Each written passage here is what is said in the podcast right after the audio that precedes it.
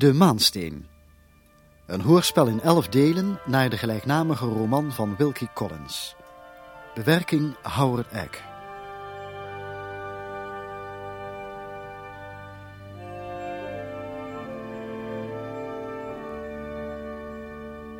Derde deel. De arm der wet.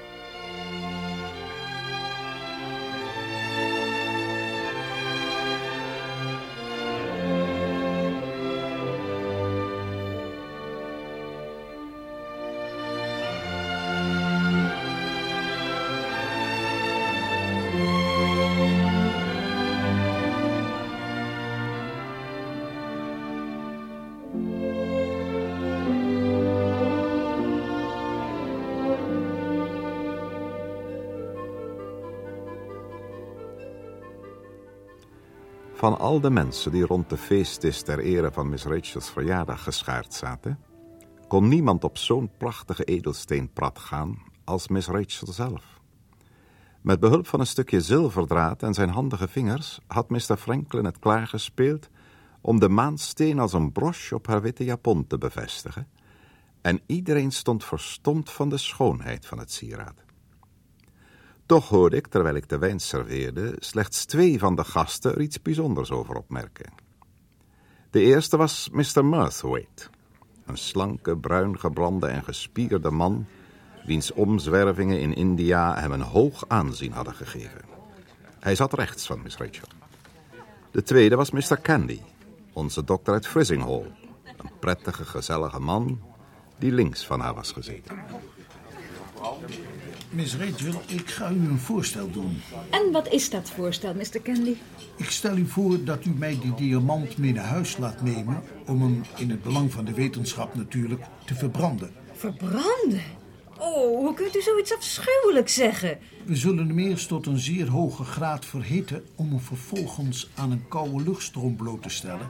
en langzaam maar zeker zal de diamant dan oplossen. Ja, maar- en, en, en wat dan?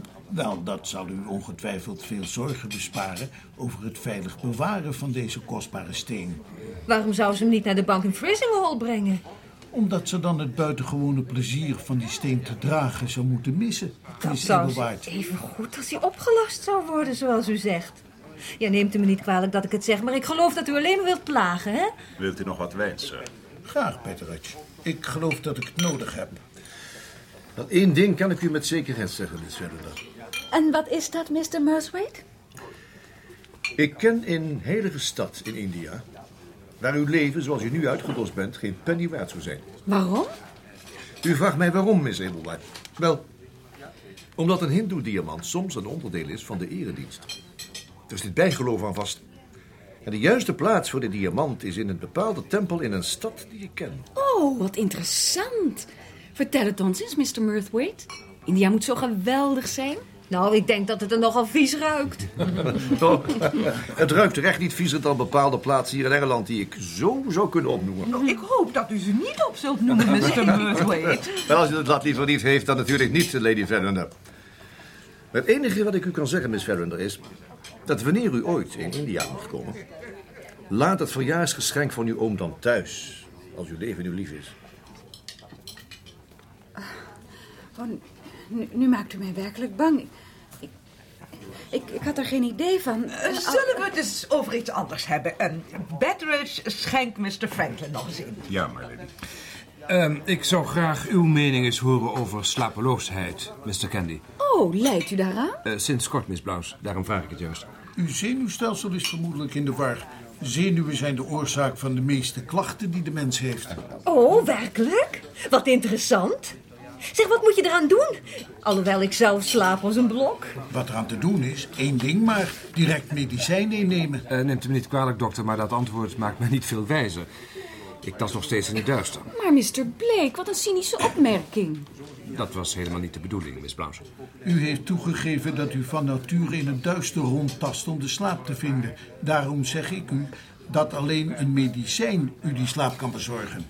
Uw antwoord herinnert mij aan de uitdrukking dat in het land der blinden één oog koning is. Volgens mijn mening is uw slapeloosheid niet het enige waaraan u leidt. Eh, Zijn we nou niet een beetje te zwaar op de hand? Vergeet niet dat dit een partijtje is. Eh, Ja, dat vind ik nou ook. Ik amuseer me net zo geweldig. Ik ook. Mag ik nog een stukje gelatinepudding? Natuurlijk. Eh, Waar is Gabriel? Vader is net even weggeroepen, my lady. Oh, geef jij Miss Ibblewhite dan nog even wat van die pudding, Penelope. Uh, jazeker, my lady. Ik ben dol op gelatinepudding, niet waar, Godfrey? Uh, inderdaad, maar je houdt er zeker niet meer van dan uh, sommige van die goede dames die ik in Londen ken. Vertel eens iets over hen. En over al het liefdadigheidswerk dat jij verricht. Ach, ik, uh, ik help alleen maar niet waar. Oh, je bent wel bescheiden. Ik heb al zoveel gehoord over al die comité's waar jij zittingen hebt. Drusilla Clark is naar een paar van die vergaderingen toe geweest. En ze zegt dat ze alles aan jou te danken hebben. Dat is heel erg vriendelijk. Nou, ik, ik doe wat ik kan. Een beetje licht verspreiden in deze donkere wereld is toch datgene wat we allemaal verlangen? Ja, ja. Maar toch is het jammer dat u uw aandacht niet aan de oudheid kunt wijten. Ach, ja, ik zou u naar plaats in India kunnen brengen waar u blijft. Pardon, oh, sir. Oh ja, dat... My lady, er zijn een paar Indische goochelaars aan de deur. Ze vragen of ze hun kunst aan de gasten mogen vertonen. Indische goochelaars? Oh, wat opwindend. Hoeveel zijn er? Drie, my lady. Oh, dat moeten die mannen zijn die ook in Frizinghall optreden. Ik heb over ze horen vertellen. Ze moeten geweldig zijn. Stuur ze weg, Bedridge. Ik ben bang, sir, dat ze zullen weigeren weg te gaan, Mr. Franklin. Oh, maar waarom zouden we ze wegzenden, Mr. Blake? Goochelen door echte Indiërs is werkelijk iets nieuws. Ach, toe, tante, laat ze binnenkomen. Ja, mama. Uh, nou, het, het, het, is jouw verjaardag. Uh, waar zijn ze, Gabriel? Ze wachten op het terras, my lady. Oh, laten we dan meteen naar buiten gaan om te kijken. Ja, dat is goed. Zouden ze die truc met de touw doen? Ik denk dat u dat al eens in India gezien heeft, Mr. Murphy. Ja, ja, ja, heel wat keren, ja, ja. Hoe doen ze dat toch?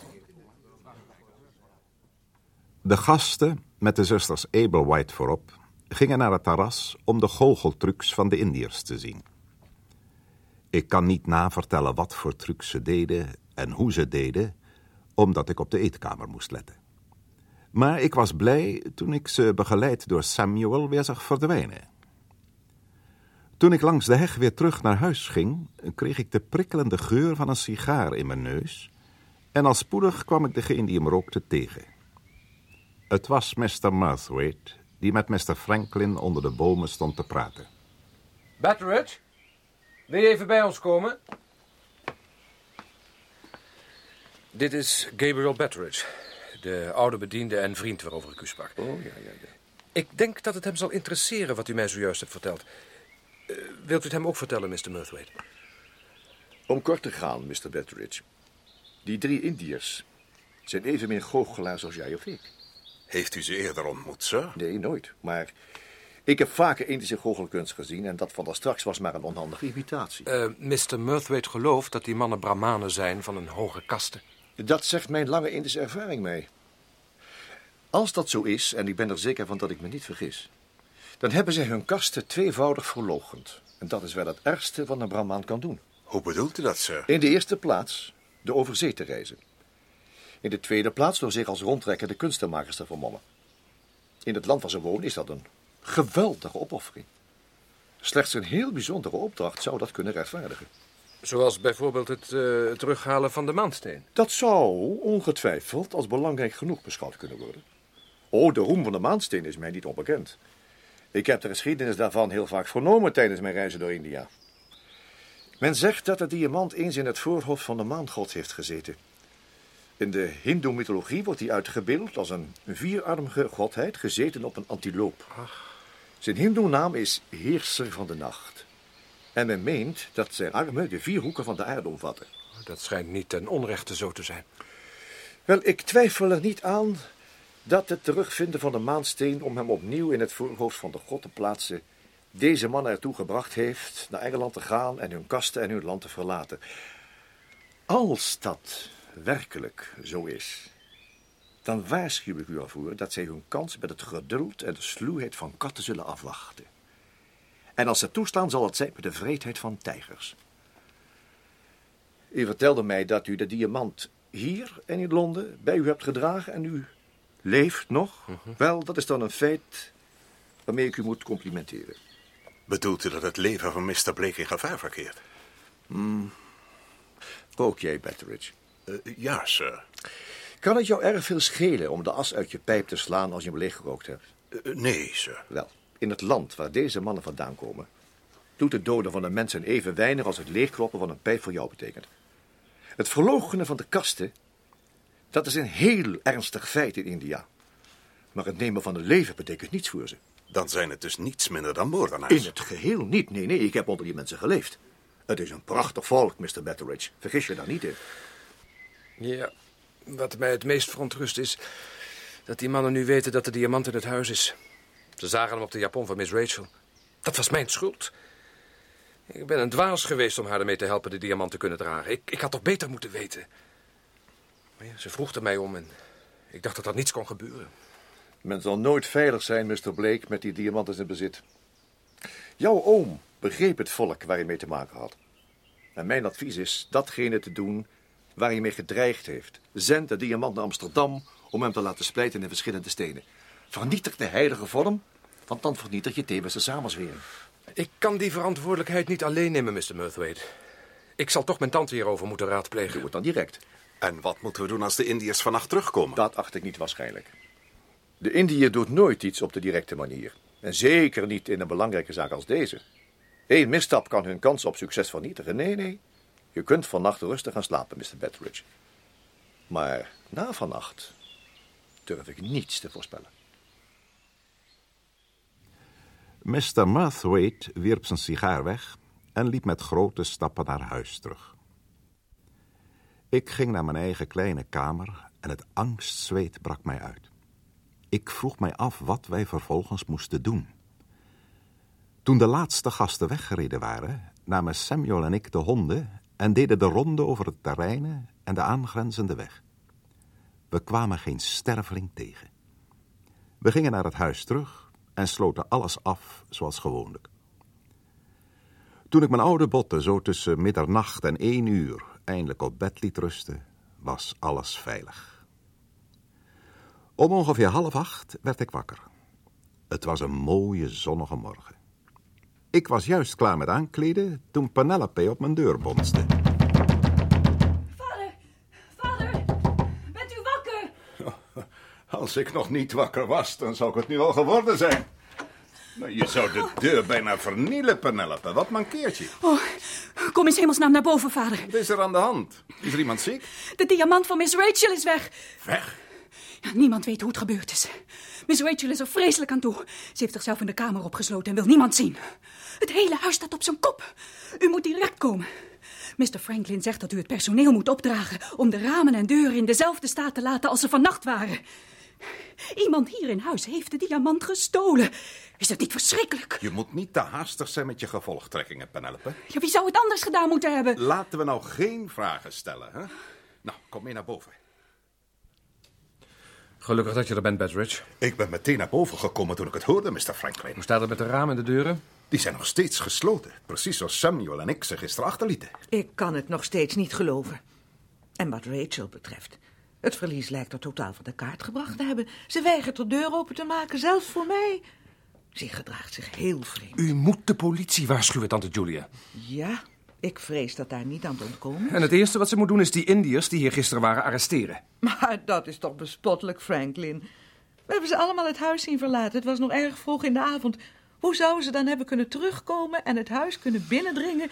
zonder dat iemand ze gezien zou hebben... en zonder ook maar één enkel spoor achter te laten? Niemand heeft met de sloten geknoeid. Er is niks ondersteboven gehaald. Het huis is nog in precies dezelfde staat als het was toen we gisteravond naar bed gingen.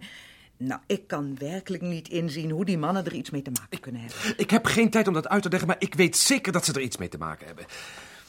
Het enige wat ik u zou willen vragen is mij een uh, introductiebrief te geven voor de magistraat in Frizinghall, waarin u schrijft dat ik uw belangen behartig. En laat u mij er dan onmiddellijk mee vertrekken. Franklin, Tante ik Julia, ik weet dat die Indiërs de diamant gestolen hebben. En als wij een kans willen hebben om ze te pakken te krijgen, moeten we geen minuut onnodig verspillen. Uh, vertrouwt u mij? Natuurlijk vertrouw ik je, maar... Schrijft u dat briefje dan direct. Met tegenzin ging mijn lady aan haar bureau zitten en schreef het briefje. En Mr. Franklin vertrok er snel mee naar Frizinghall. We gebruikten het ontbijt. Wat er ook in huis gebeurt, diefstal of moord, ontbeten moet er worden.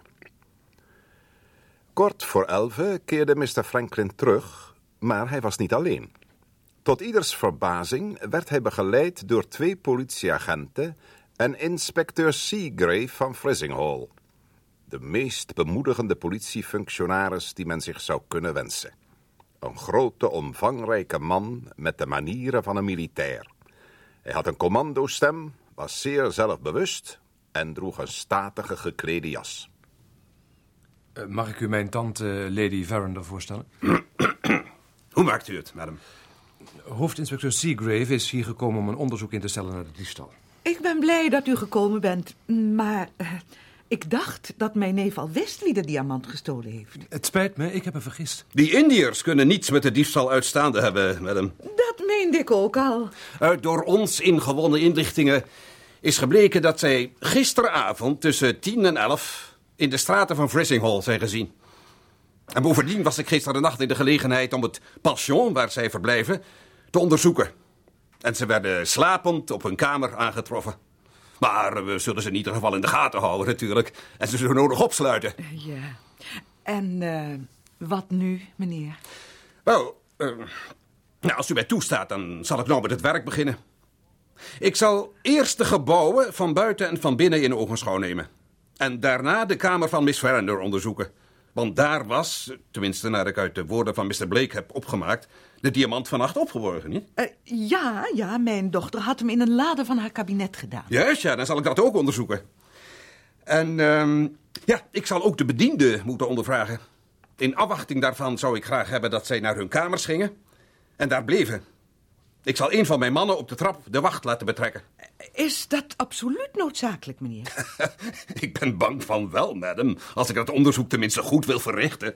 Uh, ja, uh, gaat uw gang dan.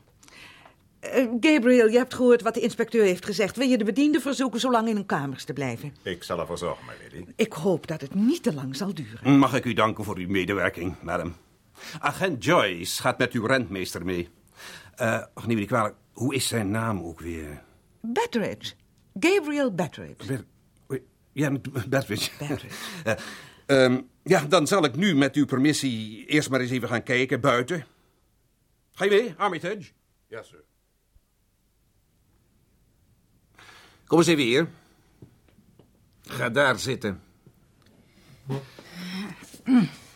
Jij heet Penelope, ja? Ja. Ja. En je vader is hier rentmeester, hm? Ja. Juist. En wat voor functie heb je zelf? Ik ben het kamermeisje van Miss Rachel. Zo. Jij bent Miss Verenders kamermeisje. Dan was jij waarschijnlijk de eerste die die diefstal ontdekte, ja? Ja. Juist. Luister dan eens goed naar mij. En denk erom dat je de waarheid spreekt, jonge dame. Ik heb nooit geleerd leugens te vertellen. Goed. Ga door en vertel me wat er gebeurd is. Nou, uh, toen onze gasten gisteravond vertrokken waren, toen uh, ging ik met Miss Rachel naar de kamer. En toen we daar aankwamen, zei ze tegen me dat ze erover had nagedacht waar ze de diamant zou bewaren. En uh, dat ze het Indische kabinet ervoor uitgekozen had. Mm -hmm. Ik zei haar dat het geen slot had. Maar ze lachte en vroeg me of ze hier soms in een hotel was en of we dieven in huis hadden. In welke lade? Er zijn er verschillende. In het kleine geheime laadje met het handvat. Nou, toen wenste ik de goede nacht en ging naar bed. Hoe laat was dat? Um, dat was bijna twaalf uur. Juist. En nu wat de morgen betreft. Ik uh, bracht de thee voor Miss Rachel om uh, acht uur naar boven, zoals altijd, en trok de gordijnen open. En toen ik me omdraaide, merkte ik dat de deuren van het kabinet wijd open stonden. Verbaasde je dat? Nou, eerst niet. Ik dacht een ogenblik dat Miss Rachel de vorige avond misschien vergeten had de deuren te sluiten. Mm -hmm. Ik liep dus naar het kastje toe om ze dicht te doen. Hij zag meteen dat, dat het geheime laadje opengetrokken was en dat de diamant er niet meer in lag. Zo, zo. Nou, ik, ik vertelde direct aan Miss Rachel. Ze kon het niet geloven. Ze scheen met stomheid geslagen. Ja, en, en, toen ben ik op de deur van My Lady's kamer gaan kloppen en zij maakte de anderen wakker. Nou, dat is alles wat ik ervan weet. Goed. Je kunt voor het ogenblik gaan. Maar het kan zijn dat ik je nog een keer nodig heb. Hmm.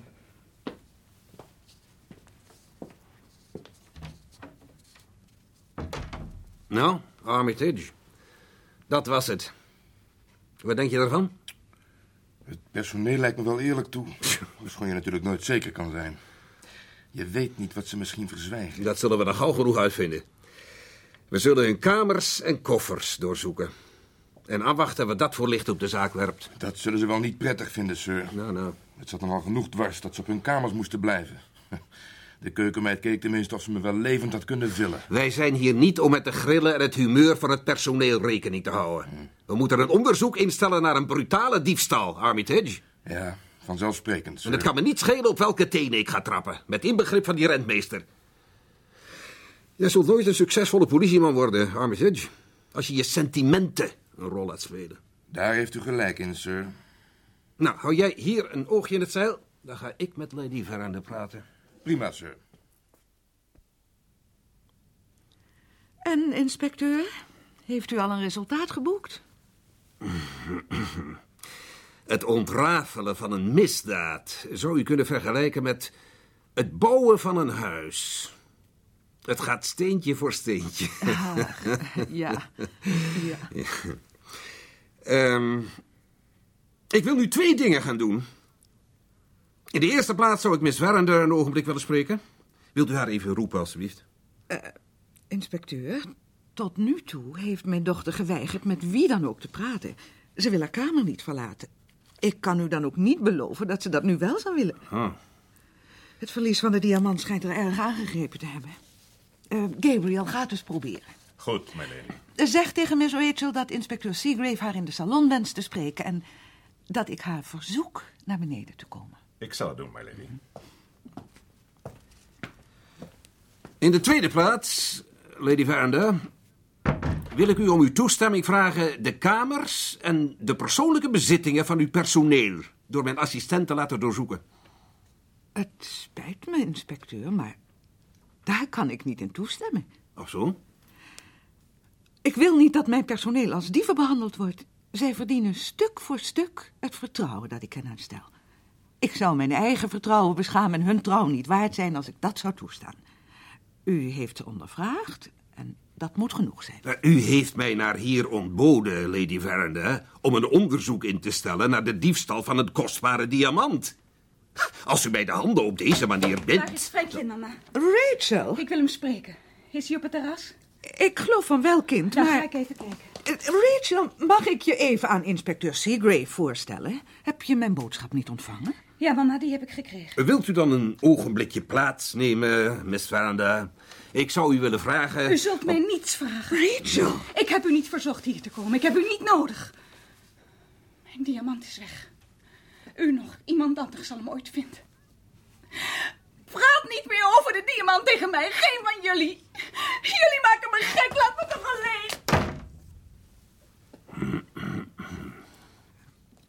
Ik eh, moet u mijn verontschuldigingen aanbieden, inspecteur. Ik kan het gedrag van mijn dochter niet goedkeuren. Maar u ziet hoe het verlies van de diamant haar aangegrepen heeft. Ik, ik denk dat ze zich beledigd voelt omdat we de politie hebben laten roepen. Nou, dat is toch onbegrijpelijk, madam. Waarom zou ze er bezwaar tegen kunnen hebben dat de politie, die toch moet proberen die diamant terug te vinden, hier in huis is? Ik weet het niet, ik weet het niet. Ik, ik begrijp haar niet. En hoe weet zij dat die diamant nooit meer gevonden zal worden? Ik geloof, inspecteur, dat het dwaas zou zijn om veel waarde te hechten aan wat zij op het ogenblik zegt. Ze is helemaal buiten zichzelf. Dan geloof ik dat wij een dood punt bereikt hebben, Lady Veranda. Uw dochter weigert mijn vragen te beantwoorden. Of liever gezegd, ze weigert met mij te spreken. En u weigert mijn verzoek om de kamers van het personeel te doorzoeken. Ja, daar de zaken zo liggen, dan zal ik mijn onderzoek op een, op een andere plaats moeten voortzetten. Wat bedoelt u? Ik ga terug naar Frising Hall. En ik ga die Indiërs arresteren. Maar een ogenblik geleden zei u nog dat ze onschuldig waren. Ja, wat de werkelijke diefstal betreft misschien wel, ja. Maar dat ze ook onschuldig zijn wat betreft een eventueel heimelijk contact met de dief. Daarvan ben ik nog niet zo zeker. En de dief, dat hoef ik toch niet te vertellen. Dat moet iemand hier in huis zijn. Goeiedag, Lady Bernadette.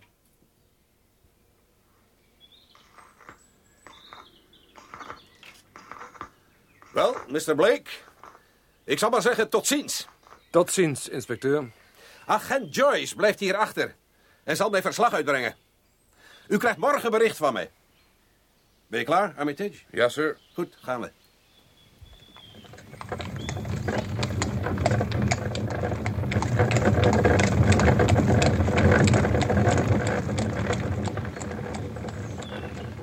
Zo, Betteridge. Ik hoop dat dat het laatste is wat wij van hem gezien hebben. Volgens mij is die man een ezel en van geen enkel nut. Ik geloof niet dat hij veel is opgeschoten, sir. Zo gauw die uit het gezicht verdwenen is, zadel dan een paard voor mij. Ik wil naar Frissinghall rijden eh, om een telegram naar Londen te zenden. Gaat u ons verlaten, sir? Nee, nee, nee. Maar ik heb mijn tante ervan weten te overtuigen dat wij een knappere kop nodig hebben dan inspecteur Seagrave om dit mysterie op te lossen. Ik ga mijn vader telegraferen. Hij kent de hoofdcommissaris en die zal wel de juiste man sturen.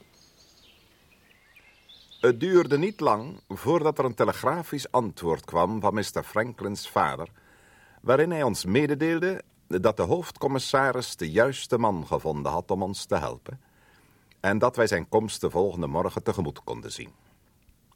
Zijn naam was Cuff, brigadier Cuff, en het scheen dat hij zijn gelijke in het ontrafelen van mysteries in Engeland niet had. Toen ik naar de poort ging om hem op te wachten, kwam er juist een huurrijtuig uit de richting van het station aanrijden. En daaruit stapte een slanke, grijze, oudere man die in het zwart gekleed was en een witte das om zijn hals droeg. Zijn gezicht was mager en smal met een sterk vooruitstekende neus en zijn huid zo droog als een herfstblad. Zijn ogen hadden een verontrustende blik. Zijn lange vingers haakten in elkaar als klauwen en hij liep even zacht als een kat. Hij had een dominee kunnen zijn of een aanspreker of wat dan ook, maar zeker niet wat hij werkelijk was. Is dit het huis van Lady Verinder? Ja, sir. Ik ben brigadier Cuff. Wij verwachten u, sir. Deze kant het, alstublieft. Wat een charmante omgeving. Dit is een heel mooi landgoed. Ja, ik denk dat u in heel Yorkshire geen landgoed zult vinden dat zo mooi is, sir. Nee. Nee, daar ben ik van overtuigd. Mijn naam is Betteridge, sir. Gabriel Betteridge. Ik ben de rentmeester van mijn lady. Zo? Dan doet het me plezier kennis met u te maken, Mr. Betteridge. Heel vriendelijk van u, sir. Ik heb ook de eer de vertrouweling van mijn lady te zijn. Ik ben blij dat u mij dat vertelt. Wat is er achter die dennenbomen? Is daar een rosarium? Inderdaad, sir. Mijn lady is erg trots op haar rozen. Ach, ik moet even kijken. Schitterend. Dit is werkelijk de ideale vorm voor een rosarium. Een rond bed in een vierkante border en paden van alle kanten. Alleen, er moest geen grunt op die paden liggen. Gras, Mr. Betteridge. Tussen rozen hoort gras te staan. Grunt is veel te hard voor rozen. Vindt u, sir? Beslist. Ah, dat is een prachtig bed. Witte en roze rozen, die staan altijd goed bij elkaar. Vindt u ook niet? Oh, kijk, en daar hebben we de muskusroos, Mr. Betteridge. Een oude Engelse roos. Weet zich staande te houden tussen al die nieuwere soorten. Prachtig. U schijnt erg veel van rozen te houden, brigadier. Ik heb niet veel tijd om ergens veel van te houden. Maar als ik een ogenblikje over heb, Mr. Betteridge, dan is het voor de rozen. Ziet u, ik begon mijn leven in een bloemkwekerij tussen de rozen van mijn vader. Ah, vandaar uw voorliefde, sir. En ik zal aan mijn leven tussen eindigen als ik de kans krijg. Tja, als God het geeft, hoop ik er eens mee op te houden, dieven te vangen. En dan ga ik rozen kweken. Mannen in uw beroep schijnen er altijd een voorkeur voor te hebben, sir. Ach, als u eens om u heen kijkt, Mr. Betteridge. En de meeste mensen doen dat nooit. Wat ziet u dan? dat in de meeste gevallen de menselijke natuur in tegenstelling is met de aard van het beroep dat hij heeft. Een groenteboer zit met zijn hart bij de muziek. Een politieman heeft zijn hart aan de rozen verpand. Wat is het verschil? Er is ook niet veel verschil, sir, als u het zo stelt. Vindt u de lichtrode roos een goede stam hebben voor de meeste teerdere soorten? Oh, Dat weet ik werkelijk niet, sir. Ik weet weinig van rozen af. Mr. Lacey, onze tuinman, verzorgt ze. Werkelijk? Dan moet ik hem eens aanspreken over dit punt. Ik ben geïnteresseerd in zijn mening als vakman. Is die dame daar Lady Verner? Eh, waar, sir? Die daar net het huis uitkomt. Oh, ja, u heeft scherpe ogen, sir. U heeft haar gezien voordat ik haar zag. Eh, Ja, dat is my lady. Ze ziet er charmant uit. Ze is ook een heel aardige dame, sir. Ik ben al vijftig jaar in haar dienst. Zo, dat is een hele tijd.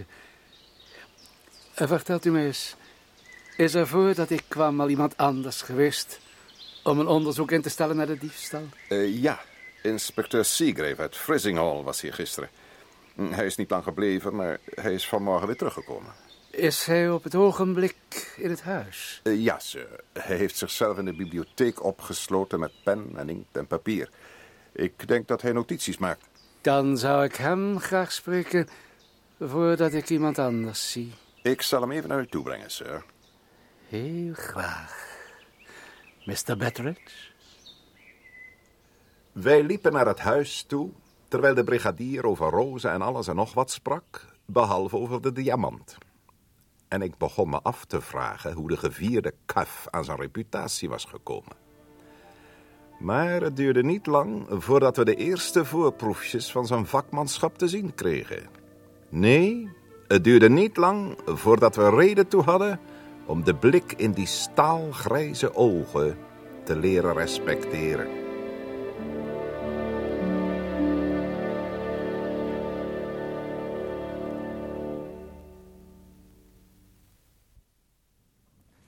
De Arm der Wet was het derde deel van De Maansteen. Een hoorspelserie in elf delen naar het gelijknamige boek van Wilkie Collins, bewerkt door Howard Egg. U hoorde Johan Schmitz als Gabriel Betteredge. Els Buitendijk als zijn dochter Penelope. Lady Verinder werd gespeeld door Willy Brill. Rachel Verinder door Barbara Hofman. Franklin Blake, Hans Karsenbarg. Amelia Abelwhite, Ine Veen. Blanche Abelwhite, Janine Veren. Godfrey Abelwhite, Hans Veerman. Mr. Candy, Johan Sierach. Mr. Murthwaite, Jan Borges. Inspecteur Seagrave, Wim Hoddes. Agent Armitage, Hans Hoekman. En brigadier Cuff, Robert Sobels. Technische verzorging, Leon Dubois en Cor de Groot. De regie had Dick van Putten.